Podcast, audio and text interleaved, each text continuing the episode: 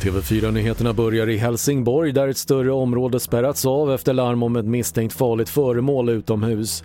Nationella bombskyddet har kallats in och polisen uppmanar boende att hålla sig inomhus och du kan se mer på tv4.se.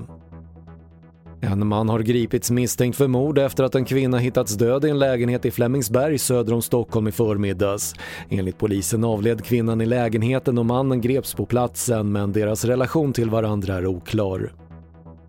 De sista 61 fartygen som väntat efter att Suezkanalen varit blockerad i nästan en vecka beräknas kunna passera genom kanalen idag.